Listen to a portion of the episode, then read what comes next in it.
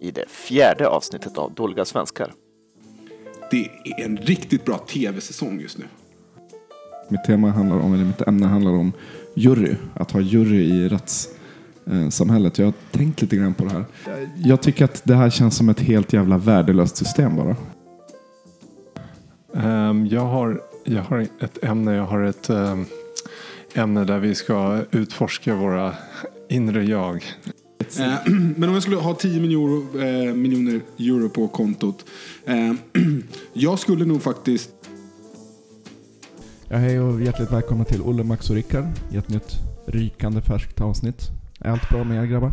Mm. Ha, hallå?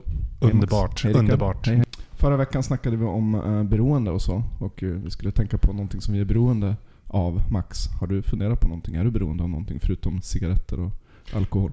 Ja, det är vi. Ehm, jag är faktiskt konstigt nog beroende av eh, hårvax. Ja. Oj, Ja. Wow. Ehm, för, speciellt beroende. ja, det är speciellt beroende, men det är helt enkelt för att jag tycker liksom inte riktigt om hur mitt hår är. Så att jag vill inte lämna min lägenhet utan att jag har haft eh, hårvax i håret. Men du hade ju snagg innan. Ja, och det är ju just det som är grejen, att båda de här sakerna är ju på något sätt, ehm, som jag säger, en antifrisyr. Just det. För att om, om man har snaggat, då behöver vi inte göra någonting. Det ligger Nej. väldigt nära eh, huvudet, skalpen. Och samma sak är det ju just om man då har håret som jag har, bakåtkammat med massa vax i. Det är egentligen mer, ja det är en ver- version av att ha snaggat det här. Vi hänvisar till podcastens frontcover för hur Max ser ut. Jag, jag måste fråga, har du någonsin använt en annan nödlösning istället för nack, äh, lax, max, vax?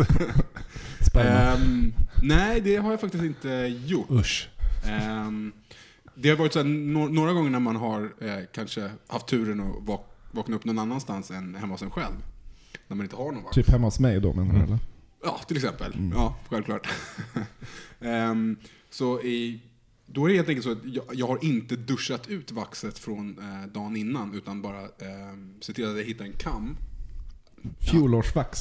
Ja, nej men eh, gårdagens vax. Mm. Eh, det är gam, gamla liksom. Mm. Eh, och man bara eh, kör lite extra vatten och så kan man tillbaka det. Det, det. det funkar en dag till. Mm. Det, tillsammans med, med. kroppsfett, eh, normala kroppsfettet så... Mm. Alltså beroende på vilken frisyr jag har. Jag gillar typ inte att duscha för när man har liksom Eller jag gillar att duscha. Nej, jag, jag märkte det. Nej, jag, jag gillar att duscha men inte att tvätta håret. Det var det jag menade. Ja, Eh, mm. För att det blir liksom så svåranpassat på något sätt. Ligger det i sedan några dagar så eh, är det mycket enklare att forma håret. Ja, det, Mm. det, självklart så är det ju så. Och så med lite gårdagsvax på det så ser det men, men som jag, tar man alltid i vax i håret så, så vet man att det kommer bli som, som det blir. Jag duschar och så, så gör jag det och då kommer det se ut på ett visst sätt. Och då behöver man inte oroa sig om så här, ja, är det här dag två efter jag har eh, tvättat håret? Det brukar vara den dagen som jag ser bäst ut. Max är alltså beroende av vax. Rickard, är du beroende av någonting? Eh, ja, jag är beroende av många saker. Men eh, det som eh, jag kommer att tänka på var just eh, mobilen. är ju väldigt, Mm, klassiker. ja, någonting bero, väldigt beroendeframkallande. Och speciellt, jag tror hos många människor, sociala medier är liksom någonting Mm. som eh, suger tag i en. Och eh, jag har ju i början av det här året så, så by- bytte jag lösenord på Facebook för att jag inte skulle kunna logga in där. Det enda som jag hade kvar var själva Messenger på telefonen så att man kunde vara med och chatta. menar, du bytte lösenord och... Eh, Jag bytte lösenord ut, ut, utan att veta vad jag bytte till. Så att det, Okej. Ja, nej, men jag kan verkligen skriva under på eh, mobilen egentligen och sociala medier i stort det är också Mm. beroende. Eh, har du något Alltså. speciellt Ja, annars? nej, jag eh, försökte tänka lite utanför boxen och då kom jag på att jag har vissa så här personer som jag... Flöjta? Flöjt. jag, jag är inte eh, beroende av flöjt. Nej. Eh, jag är lite eh, småberoende kan jag säga av några personer. Som jag följer liksom allt vad de producerar. Det handlar om vissa podcasts och så. Mm. Den första personen är Leif GW Persson. Jag vill gärna konsumera allt. Väldigt jobbigt Jaha. nu när eh, jag ligger fem eh, avsnitt eh, bak, eller efter på Veckans brott som jag Ja. måste traggla mig igenom. Och nu fick jag höra att han har eh, medverkat i en annan serie så måste jag kolla på den också. Sen, ehm, Leif GW Persson. precis. Är det hans ljuva stämma? Som... Det är någonting med honom som jag bara avgudar. Mm. Låt mig då fråga, har du sett hans eh, jakt-tv-program? Självklart. Ja. Och eh, biografin som kom ut nu efter nyår. Mm. Det här jaktprogrammet kan jag bara påpeka. Väldigt, Mm. det var väldigt bra. Nej men sen har jag eh, eh, en, en författare och eh, gör också podcast som heter Sam Harris. Honom har jag nog sett alla YouTube-klipp och Mycket läst alla böcker, allting. Och eh, Filip och Fredrik kollar jag också, lyssnar på alla podcast. Koll, släpper de någonting på TV så kollar jag på dem. Eh, det är liksom bara, det känns fel om jag har missat någonting. Då är det som att jag ligger efter. Så att det är väl ett beroende. Vissa, vissa personer eh, som jag... Det, det, det är kanske är det som är definitionen av att vara ett fan. Ja, det är det nog. Eftersom Jag trodde du fan- skulle säga stalker och då var jag beredd att liksom, ge motstånd. Nej, eftersom Men fan, ja. är, ju förkortning på fanatiker. Och Är det eh, det? ja, att vara en fanatiker av, av att, just att man följer någon på det här sättet, det är ju Mm. bara ett riktigt fan. Så du, man kan ju rakt av säga att Det du säga. är ett äh, Leif GW Persson Det kan man Du är absolut en säga. fanatiker. fanatiker. Mm. Ja. Ja, men det kan man nog säga. Mm. Eh, Rickard, kan du eh, slå till med en skön övergång från Leif GW Persson till ditt ämne som du har? Eh, nej, eh, faktiskt inte. Och jag tänkte bolla vidare Okej. bollen eh, direkt till Max istället. För Jag jag, tänkte ta det sista ordet idag. Okej, jag förstår. Okej. Då kör vi När vi är lite varma. Mm. Ja. Ehm, jag hade tänkt i, eh, för det här avsnittet inte vara så superseriös och diskutera väldigt seriösa saker eftersom, Som zombie... efter, ja, eftersom ni andra är så, så jätte, jättebra på att ehm, ta upp eh, mer seriösa saker. Och så, här. så jag hade helt enkelt tänkt att säga det är en riktigt bra tv-säsong just nu. Det Oj, i. Det är en helt riktigt bra tv-säsong. Mm. Det finns väldigt många bra tv-serier som har kommit ut senaste tiden. Second that my brother. Och, ehm, jag blev lite så här, jag blev väldigt, väldigt glad. Jag konsumerar ju väldigt mycket eh, film och tv-serier. Apropå beroende. Mm. Absolut på, på beroende. Ja, ja, men rakt av. Jag kan säga att jag är beroende på att eh, titta på ehm, serier och sådana saker. Och ehm, det finns några som jag tycker är um, enastående och eh, lite speciella. Till Får, exempel, får jag gissa dina favoriter? det får du göra. Uh, 221163. Jajamensan. Mm. Mm. Ehm, vad heter den här zombieserien nu igen? Ja, min favorit Ja, zombieserie är ja. The Walking Dead. The Walking Dead, det är den jag Mm. menar. Precis. Eh, Mm. Sen så tror jag också att du kollar på där du... ehm, Better Call Saul. Better Call Saul, Ja, så. House of Cards har kommit ut Ja. nu också. Mm. Va? House of Cards? Jajamän. Jag har kommit ut och jag har sett alla avsnitt redan. Ja, nej, det har inte jag. Var det bara på Netflix? Eh, ja, självklart. Finns på, på Pirran också. Ja, det gör det. Mm. Ah. Gå vidare Max. Till exempel. Sen så finns det en annan serie som ni kanske har hört talas om eh, som heter Vinyl. Nej, det har jag inte hört talas om. Ehm, ehm, det här är faktiskt en väldigt bra tv-serie som har ett enormt bra produktionsvärde.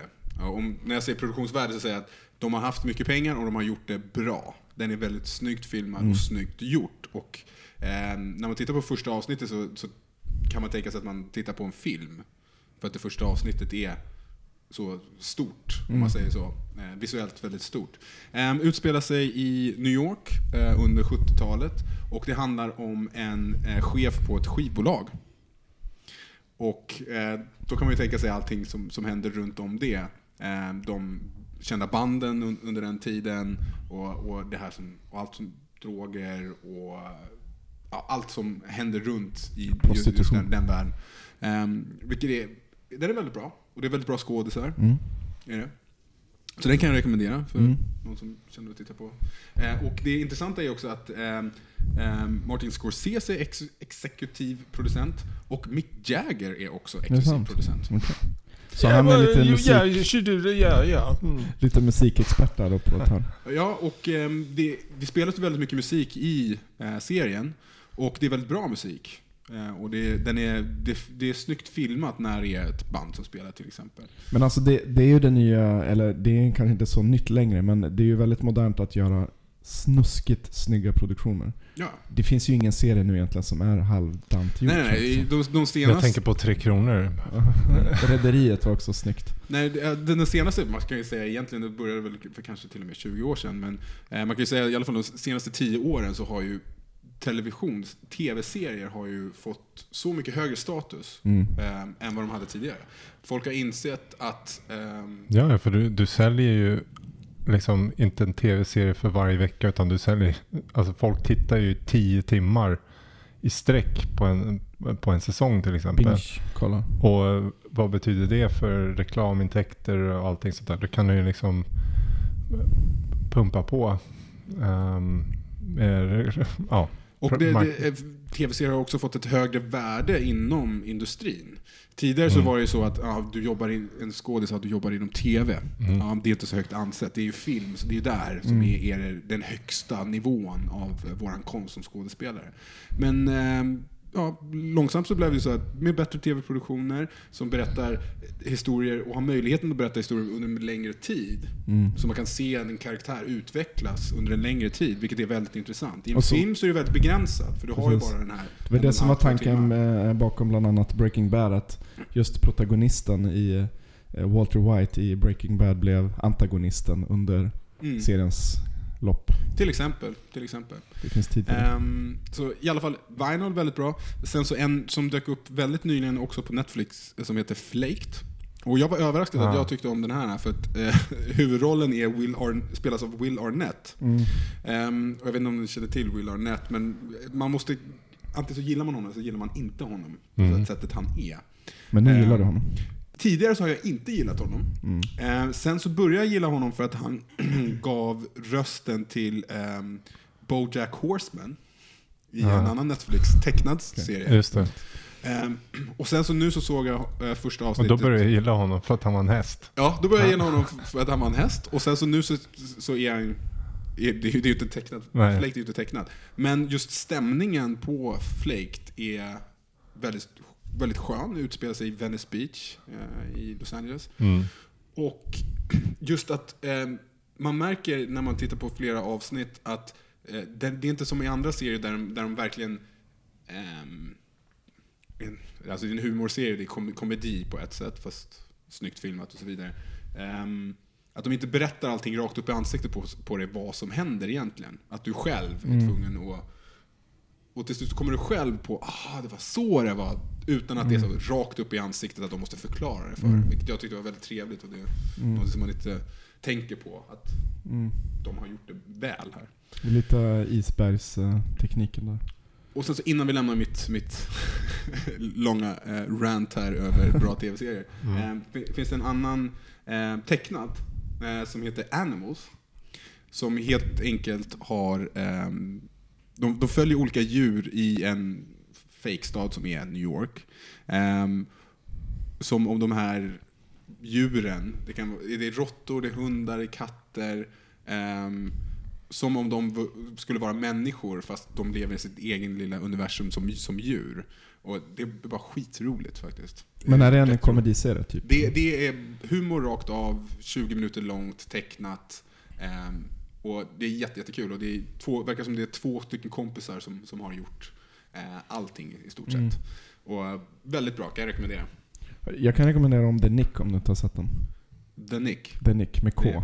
Mm, den har jag sett. Ja. Ja. Den, vad tycker du om den? Tycker jag var ganska bra. Jag har inte Där sett igen hela. så har vi ett jättebra exempel på Mm. högt produktionsvärde. Precis, och precis. bra skådisar. Mm, mm. Ehm, och återigen, det är en serie som utspelar sig i det förflutna, som Mm. utspelar sig då i New York. Påminner mig om uh, Boardwalk Empire lite grann till stilen.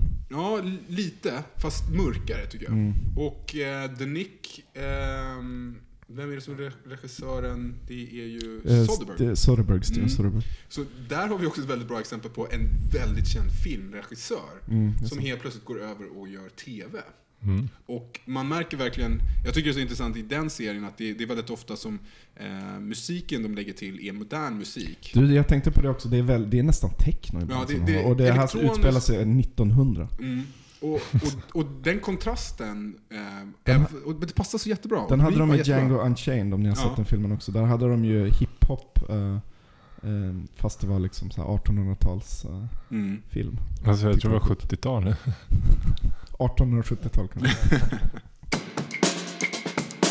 Jag är faktiskt Bra också TV. inne i en, eh, i en eh, tv-serietittarperiod kan man säga. Jag har också kollat igenom en hel del. Då, då kan jag faktiskt göra en liten övergång därför att jag har tittat på eh, Dels har jag tittat på en eh, tv-serie. Jag är ju eh, dokumentär-junkie av Guds nåde, som ni två vet. Eh, och det finns en serie som heter Making a Murderer. Har du Just sett det. den Max? Jag har sett eh, första avsnittet. Första avsnittet. Mm. Väldigt bra serie, rekommenderar jag alla att titta på. Just nu håller jag på med eh, American Crime Story. Som är, ehm, den är dokumentär fast det är gjort som en spelfilm eller en spelserie. Okej. Känner du till den Max? Ehm, jag vet att den existerar men jag har inte tittat Mm. på den. Då är det Det är lite varje- som den här uh, som, som gick förut. Uh, sorry, uh, fortsätt. Ja, nej men, eh, för varje säsong är det tänkt att de ska ta ett berömt eller känt amerikanskt rättsfall och behandla då. Och första säsongen är O.J. Simpson-fallet. Um, och uh, säsongen är inte klar, jag har sett kanske fem avsnitt för närvarande. Um, och um, mitt tema för dagen är just, uh, handlar om rättssamhället. För att jag började tänka på det här när jag kollade dels på Making a Murderer och sen också nu den här American Crime Story. Så att mitt tema handlar om, eller mitt ämne handlar om jury. Att ha jury i rättssamhället. Jag har tänkt lite grann på det här. Det är många länder som har eh, ett jurysystem. Alltså det är Mm. människor från, alltså eh, lekmän helt enkelt, som är tagna eh, ur samhället och som ska då bestämma en persons öde i, ehm, efter en rättegång. Ehm, och kanske kännaste exemplet då USA har de jury ehm, som bestämmer om en person ska dömas eller inte i slutet efter att all bevisning har lagts fram och alla advokater och åklagare och, och så vidare har talat. Ehm, och jag tycker att det här känns som ett helt jävla värdelöst system bara. Ehm, så att, jag vet inte, har ni någon spontan känsla? Ehm, för har ni Alltså- tänkt något alltså på det jag här? tror- jag kan tror- ni se fördelar med Jag det? tror det var liksom allmänt en allmän eh, inställning nästan hos alla västerländska länder att man inte kan ha en jury som man har i USA. Mm. Jag, jag, nu är inte jag helt hundra på hur det funkar i andra länder men jag tror bara ren magkänsla säger att inte ens öststaterna i Europa har en, en jury ja, bestående av ja, lekmän som inte har någon aning om, om eh, brott eller eh, jag gick igenom lite grann bara snabbt, eh, Mm. flög över liksom innan, när jag förberedde det här ämnet. Och, Mm. eh, länder som Belgien, Kanada, Brasilien och väldigt, väldigt många andra, England, Wales har alltså jury i många. Eh, man separerar ofta om det, om det handlar om tunga brott eller mildare brott. Och ofta så verkar det vara så att ju tyngre brotten är, desto mer tenderar man att ha en jury. Eh, jag menar, idén är väl egentligen eh, ganska välmenande med en jury. Att det, det ska vara just att, att den vanliga människan har en rätt att, att, att bedöma och att det, det här ska vara den allmänna åsikten som kommer in här. Att du har också en rätt att ta del av, av det juridiska systemet och Mm. påverka. Och ehm, det ska inte bara vara folk som är helt insatta i det och, och borta från den vanliga Precis, det blir världen. någon slags elitism bland eh, jurister, att det blir någon slags expert... eh, Exakt. Att, att, meritsamhälle att- där bara eliten bestämmer. ja, det är väl det som är idén med det hela. Mm. Och nackdelen är ju självklart precis, precis som du säger. att Ja, men det kan ju vara en väldigt konstig person som Jag, jag, har inte ens, jag har inte ens gått in på, på nackdelarna som jag ser det. Jag bara Ja. tycker att det faller sig så naturligt att det är konstigt. För att om man kollar på en serie som Making a Murderer som handlar om en person som ehm, som först blir han dömd 18 år fängelse, han sitter 18 år fängelse för våldtäkt som han inte har begått. ehm, och sen så blir han eh, anklagad för ett tillmord och oavsett om han har gjort det eller inte. Tänk dig själv att du döm, eller att någon, du blir anklagad för mord i, i någon delstat i USA, kanske Michigan eller Kentucky eller whatever. Mm. Och sen så kommer det jätteduktiga eh, eh, jurister som, som verkligen på ett bra retoriskt sätt eh, och övertag, övertygande sätt eh, berättar om att, vad som pekar eh, för att du är skyldig. Och så sitter det 12 rednecks i juryn som ska sitta och bestämma över ditt liv om du ska få dödsstraff eller om du ska gå fri. Det här är Mm. människor som kanske, kanske har lätt att köpa retoriska argument. Det, de sitter och ska diskutera med varandra så att det kanske finns någon väldigt stark personlighet i den här juryn som med hjälp av grupptryck eller på något sätt med sin pondus kan övertala du, alla andra. Som du säger så finns det så många, många saker som kan påverka utgången Mm. som inte har någonting med rättegången Precis, att göra. så Så att, så att du kan ha en superduktig jurist eh, som rent retoriskt är jättebra på eh, att psykologiskt eh, använda de rätt, rätta orden vid rätt Mm. tillfälle. Använda typ av eh, priming och Precis. allting för att liksom egentligen vägleda en jury redan eh, undermedvetet till ett beslut utan, innan de ens själva vet om det. Och precis det du säger nu, det blir så oerhört tydligt eh, i den här eh, serien som handlar om O.J. Simpson-fallet. Mm. Därför att O.J. Simpson-fallet, det är nog det kändaste exemplet på en där man i princip vet att han har mördat någon, men ändå blir frikänd. Mm. Eh, Och anledningen är att det var så oerhört duktiga jurister förstås, som på alla sätt och vis liksom masserade upp juryn och fick dem med sig på sin sida. Eh, Och det här började ju handla om ras mycket mer än något annat. Så att eh, de lyckades få in, eh, jag vet inte om det var en majoritet svarta, men i alla fall många svarta personer på juryn. Vilket var en stor vinst för dem därför att den allmänna, eh, allmänna uppfattningen bland svarta eh, i USA, det här var 94-95, var att oavsett egentligen om Simpson har gjort det eller inte så är det någon slags, vad är det man kallar kosmisk rättvisa, att han ändå blir frikänd för att Los Angeles-polisen har gjort så mycket skit mot svarta människor. Och sen så, ni vet, de bjuder in juryn till Simpsons hus och så har de möblerat om massa så att det ser ut som att han verkligen är en en, en liksom man of the black community och så får de liksom så jättemycket sympatier från juryn. Och alla sådana här saker som absolut egentligen inte har med sakfrågan att göra. Har han mördat sin fru, sin exfru eller inte? Det har ingenting med det att göra Mm. men de får, vinner så mycket sympatier från en jury.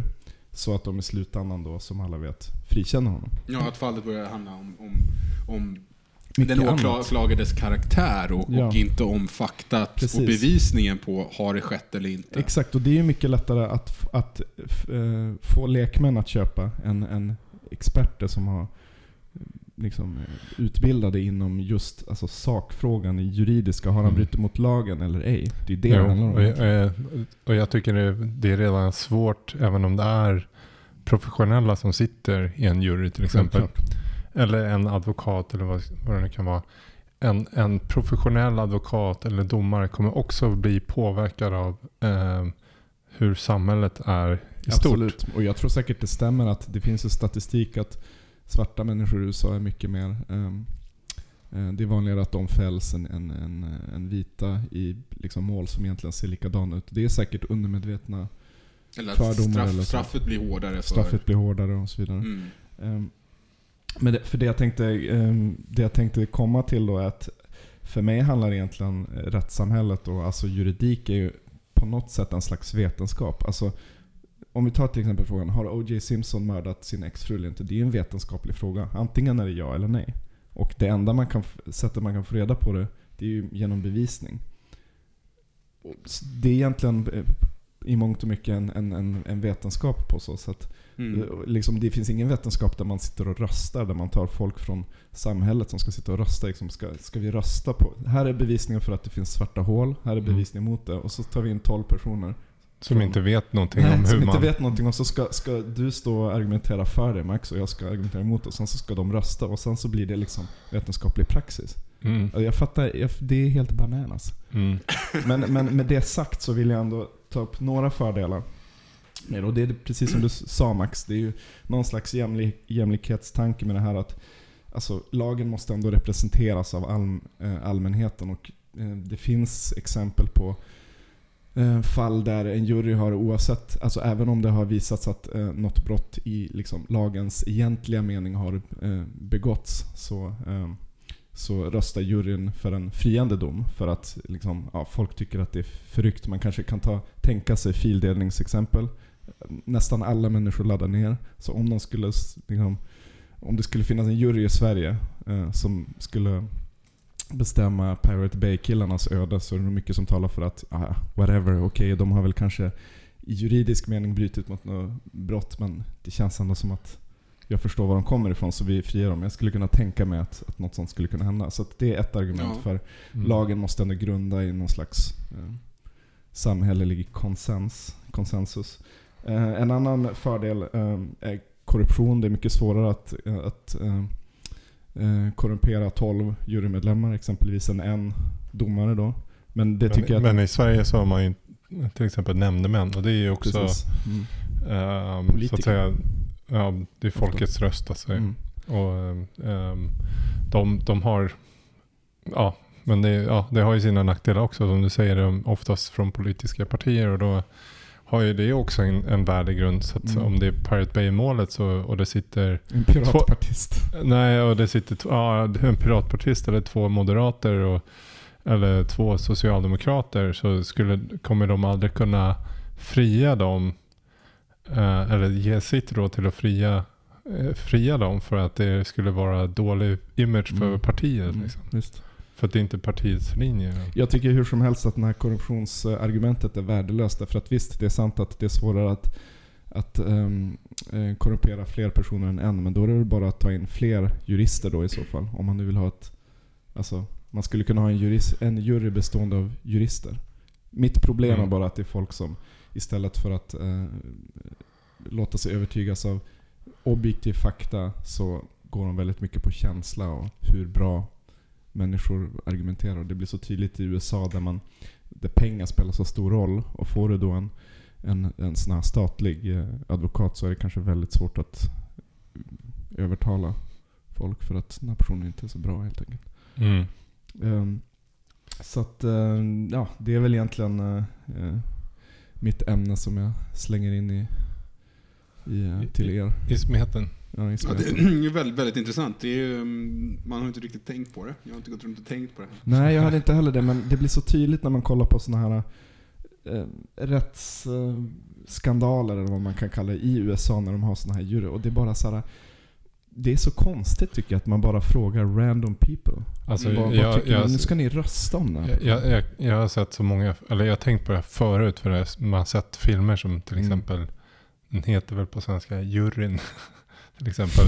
Nej, men, och, eh, andra filmer som handlar om just folk som antingen har blivit fällda på falska grunder eller som har eh, friats trots att de har gjort det. Mm. Bara för att juryn gör det ja, av politiska skäl eller vad det nu kan Mm. vara.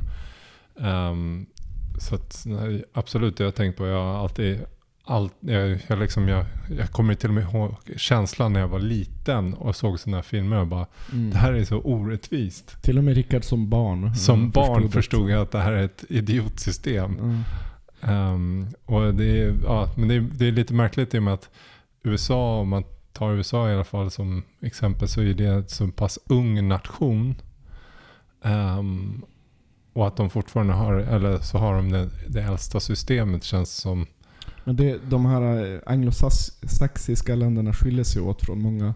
Jo, Eh, Sverige har någon blandning. Ja men precis. Det, de har inom just eh, rättssystemet ett helt annat system där de exempelvis Alltså man kan bli dömd för ett brott i USA för en lag som stiftades på 1700-talet fast som idag verkar helt jättekonstig. Mm. Medan i Sverige bygger man mycket på Ehm, just att domar blir liksom vägledande för senare domar som är liknande. Så då kan man bara hänvisa till förra årets dom. Man skiter i vad som hände på 1700-talet för att det är de, ny, de senaste domarna som gäller. Och det är också en sån här grej som jag tänker med USA och England, att det, det känns bara så värdelöst. Alltså. Men det är väl mycket tradition som, som sitter i, kan jag tänka mig. Mhm. Ja, det, det finns ju väldigt konstiga lagar i USA. Mm. Gamla lagar.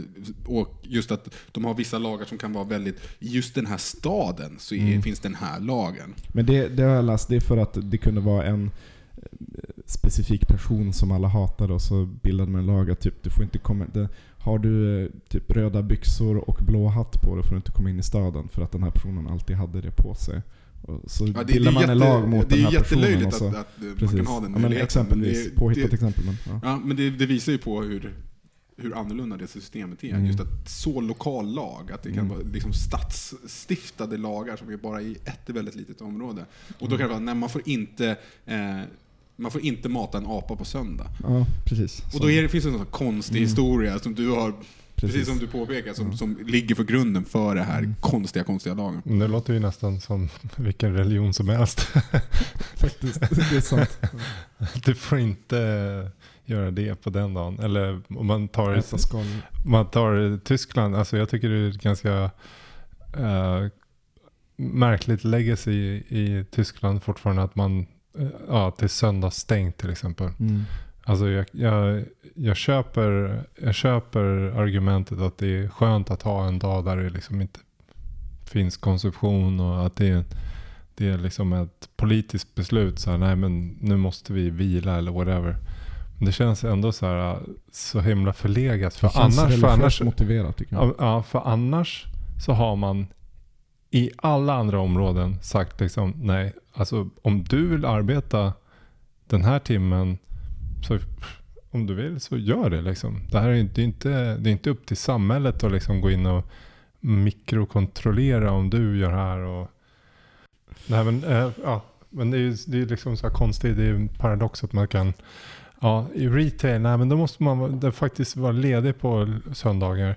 Men horhus, nej. Eller i andra yrken, så nej. Det, är- det, det är jättekonstigt. Men ibland Alltså- gör man sådana konstiga distinktioner. Det är, som, det är en helt annan diskussion med just det här med dricks till exempel. Att man ska alltid ge dricks på restaurang men inte på en McDonalds restaurang. Och så här, bara eh, vedertagna regler som alla accepterar men ingen egentligen har tänkt på varför. Mm. Alltså. Nej men alltså, ja, vi, vi glider lite väldigt långt från Ja, grundämnet. Men, men jag, känner, jag känner ändå så här, det här det är, inte, det är någonting som jag, som jag fortfarande liksom inte riktigt kan greppa. Varför? Jag förstår ju verkligen ja, Max till exempel, eller andra folk som jobbar inom retail, att det är skönt att söndagen kan man aldrig jobba. Men jag känner så här, om, om du vill jobba i, i, eller om du väljer att jobba inom det här, den här branschen så, och får man ju ta det med. så, är det, så, är det, så finns ju de förutsättningarna. Precis som att om du börjar jobba inom bordellindustrin så, Det, det räcker väl med om du jobbar in, in, på restaurang. ja, restaurang eller, Mm. Caféer brukar ju ha öpp- öppet på söndagar. mm. Restauranger.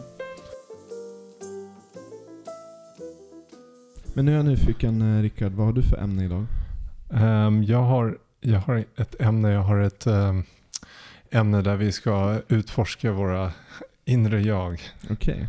Att Ingen, vi, ingen hemlig gäst idag? Nej, så vi, jag tänkte att vi ska hålla varandras händer och nej. Ehm, eh, jag tänkte börja med dig, Olle. Och eh, jag tänkte fråga dig. Vad skulle du göra om du hade 10 miljoner euro på ditt konto idag? Eller imorgon? Jag skulle nog ta en... Om jag fick det nu så skulle jag nog ta morgondagen och bara sitta och grubbla över just den frågan. Vad fan ska jag göra? Hur ska jag placera de här pengarna rätt för det första? Mm. Att jag får ut lite, Väldigt Lite- vettigt direkt. lite Direkt ränta på dem. Jag menar, har man 10 miljoner euro så, kan man ju, så får man ju en fet lön bara på räntan kan jag tänka mig. Om det inte är minusränta, vilket är en riktning vi är på väg mot. Men det är en annan historia. Du skulle ju, ja, alltså rent om du bara lägger det på dagsbörsens kursindex Mm. så kan du ju räkna med att du har en avkastning på mellan 7 och 10 procent. Mm. Eh, ja, det kan du Ganska ju leva fett. på. Ja, det kan man leva på. Då har det dubblats eh, på 10 år. Eh, jag skulle i alla fall lätt köpa eh, någon sommarstuga någonstans. Kanske i svenska skärgården eller uppe i fjällen någonstans. Och så skulle jag verkligen glassa till det liksom, rejält. Så att man har någonstans att åka och resa till. Mhm. Det är viktigt för mig. Det är väl det första jag skulle börja titta på tror jag. En sommarstuga. Ja, jag tror det. Kanske till och med innan jag börjar kolla på en riktig Du är så lägenhet. wild and crazy Olle. Du är helt, du är helt galen alltså. Shit. Verkligen alltså. Nej men sen eh, några varv runt jorden. Eh, Klichésvar men... eh, Nej men, ja, men precis, och det är det jag vill komma till. Liksom. Vad, vad, vad skulle vara... Vad skulle du verkligen liksom...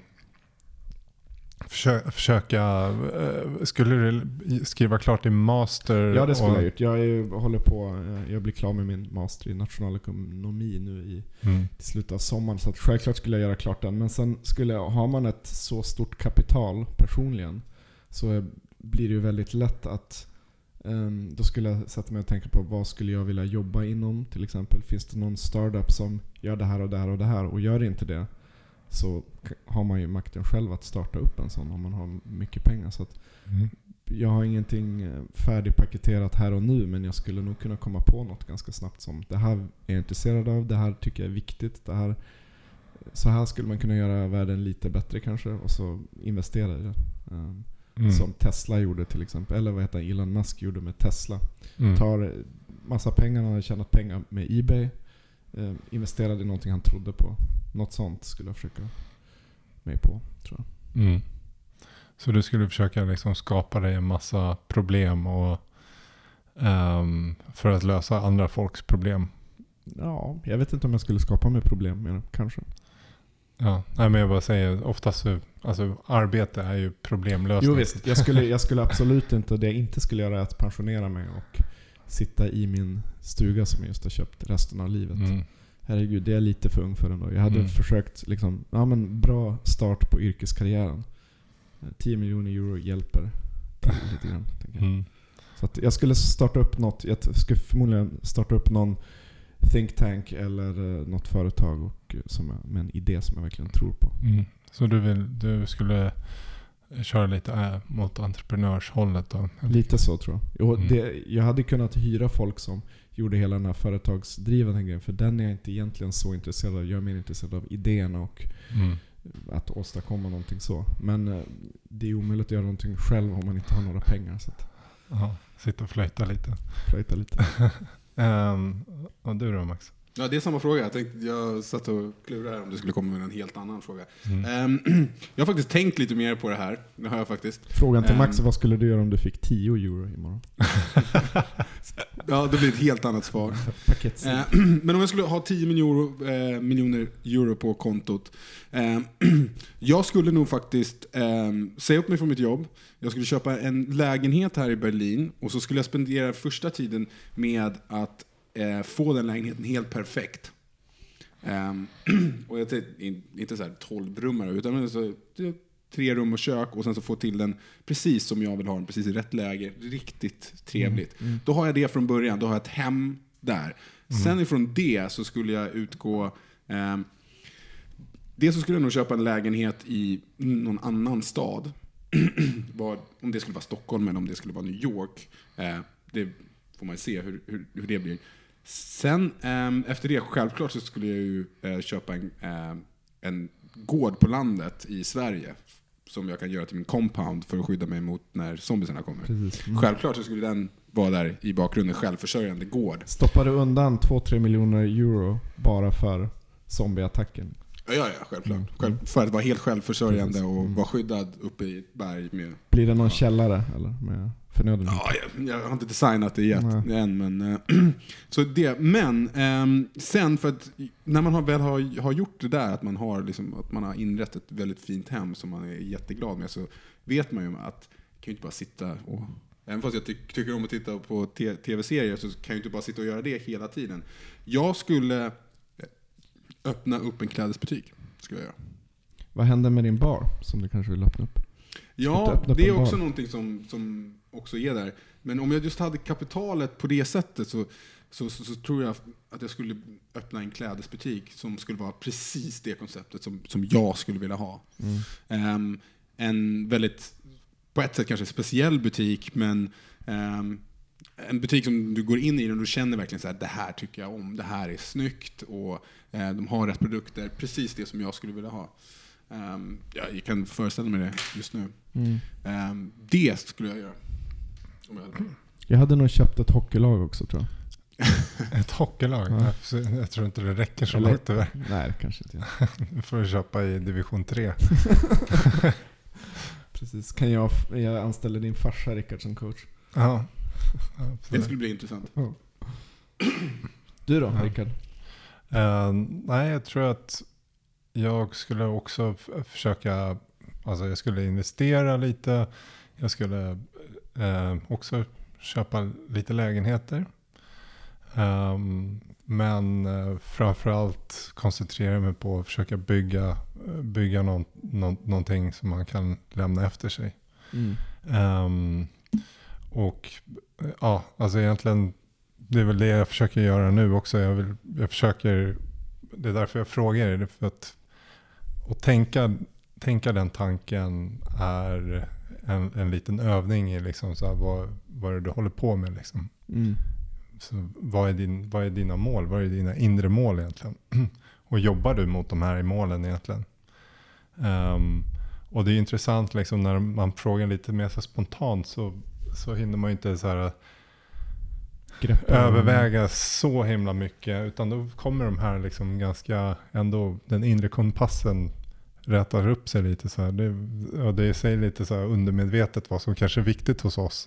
Du vill ha en sommarstuga. Eh, det första du vill ha liksom. Mm. Eh, vad betyder det? Det är ganska intressant. Och, Mm.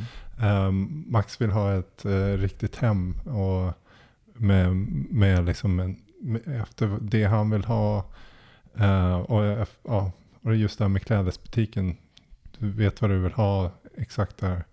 Och jag skulle säga, det låter, ja, om, vi jämför, nu, om vi jämför er två liksom så Max verkar ju ha den, den som har den absolut mest de, definitiva bilden av hur det skulle se ut. Absolut, för mig, hos mig är det väldigt suddigt fortfarande. Mm. Jag Ja. vet att jag skulle gjort någonting och eh, verkligen försöka bygga på någonting men jag vet inte riktigt i nuläget vad det skulle vara. Jag, jag skulle säga 80% av alla eh, personer, 90% även om man får tänka hur mycket som helst, kommer inte fram till någonting. Nej. Utan man, så här, ja, man vet ungefär vad som är logiskt men exakt vad jag vill ha är svårt. Så att eh, en liten hint till Max är liksom att du vet ju vad du vill ha. Så, eh, det är är, bara sätta igång. ja, och det, Bara få det, fram 10 miljoner euro. Ja. det sjuka är att 10 miljoner euro låter som jättemycket pengar. Det är inte så mycket egentligen. Men ehm, alltså, det, är, det är liksom pengar som folk, eh, alltså inte en person, men som om man delar upp det på turister, på folk i, som jobbar och de liksom spenderar det på det är kaffepengar liksom på en dag. Eller det, det är liksom vad folk eh, tappar mellan Mm. sätena på tunnelbanan i New York på under Mm. ett år. Eller, Mm. Nej men det, är- det är liksom, Ja, det är ändå ja, för en person så är det väldigt mycket pengar, men, men, Mm. men i en st- större sikt om man kollar på väldigt många människor så... på många människor och sen samtidigt så är det så här, det är nåbart. Det är folk som faktiskt har det här kapitalet. Och det, är, eh, det är också dessutom, det är bara pengar. Det är liksom, det är tryckta medel. Det har egentligen, ehm, det har egentligen inget värde. Alltså skillnaden mellan en miljon och 10 miljoner är egentligen eh, ingenting. Nej, det är bara, det är bara ettor och nollor. Nej men eh, just i, liksom, i din arbetsinsats eller hur du ska komma dit. Liksom, om du ska komma till en miljon eller tio miljoner så, eller hundratusen euro är liksom egentligen inte steget så himla stort. Det handlar, handlar om att liksom på något sätt eh, ändra sin världsbild lite. Liksom min, min, det jag ska tjäna på ett år är inte liksom de här eh, 30 000 eller 40 000 eller 50 000 utan det ska vara 500 000 eller det ska vara 5 miljoner liksom. Mm. Och sen, sen om man börjar tänka så, så bara okej shit, vad betyder det per dag liksom? Hur fan ska jag komma dit? Då börjar man ställa de rätta frågorna. Så, ja, men just det, då måste jag göra någonting som är värt så mycket pengar. Och vad kan vara värt så mycket pengar?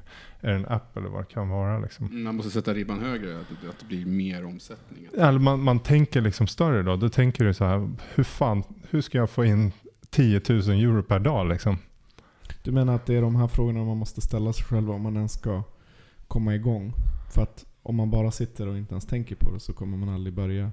Eh, risken är är att man, som- man sitter och inte lever sitt eh, drömliv liksom. Mm. Och Jag, jag kan inte säga att jag går, eh, föregår med något bra exempel än, än så länge. Men jag tänkte börja Mm. nu. Och få se om, om, om det klaffar. Men Är det hemläxan till nästa veckas podcast för dig eller? Skaffa drömlivet. ja, nej men... Tjäna ja, 10, 10 miljoner. 10 000 euro. 10 000 euro. om, ja, om fem år kanske. Ja, precis. Så att, um, äh, Men jag, jag tänker mycket kortsiktigare för mig. Alltså, det jag tänker bara rent spontant, det är just de här små grejerna egentligen som i nuläget skulle vara ren lyx men som inte kostar så mycket pengar egentligen. Till exempel skulle jag gärna, om jag hade haft i princip obegränsat med pengar så hade jag skaffat mig till exempel en språkcoach. Så här. Ja, men jag vill lära mig spanska. Jag anställer en person på heltid mer eller mindre. Så kan vi sitta och, så kan han så personligen bara lära mig spanska. Och när jag då har lärt mig lite så kan han, så kan han slipa min brytning och så vidare. Sådana här saker. Det skulle gå så jävla fort att lära sig tänker jag. Det alldeles, hade varit alldeles för dyrt nu. Men det hade ju inte varit någon kostnad om man hade haft 10 miljoner euro till exempel. mm, fast det är ju liksom inte... Det är inte en prioritet om man vill ha en, eh, eh, en sommarstuga heller och lära sig. Nej men eh, jag, det, det är det som är min poäng. Jag tänker väldigt kortsiktigt. Jag Mm. ser bara sådana här grejer som jag har tänkt på nu. Mm, Det skulle vara bra att ha en till exempel språkcoach på tyska som bara kunde mm. eh, hjälpa mig med kanske brytning eller whatever. Sådana små grejer. Det är liksom, jag ser det nog väldigt kortsiktigt just nu i mitt liv. Så innan vi eh, säger hej då för idag så kan vi väl kanske ta någon hemläxa till nästa gång eller har ni något? Eh, En sak jag tänkte på var kanske att ämnena nästa vecka ska handla om någonting aktuellt. Någonting väldigt aktuellt. Ja, det behöver inte vara väldigt aktuellt. Någonting trumpigt. Kvasi-aktuellt, till exempel Trump. Mm. Det var faktiskt ett av de ämnena som jag överlägde att ta upp idag. Kanske blir Trump för dig då, Max nästa gång. Mm. Ska vi ta det till... eh, vi säger det, att nästa vecka pratar vi om någonting lite mer aktuellt. Mm. Mm. Ja, det låter bra. Kom in, kom in i tiden. Då säger vi tack för att ni lyssnade och eh, på återseende nästa vecka allihopa. Ha det bra. Ha det Kram och bra. puss. Hej hej. Hej då. Kolla in oss på dåligasvenskar.se och spamma oss på riktigt dåligasvenskar.se. Puss!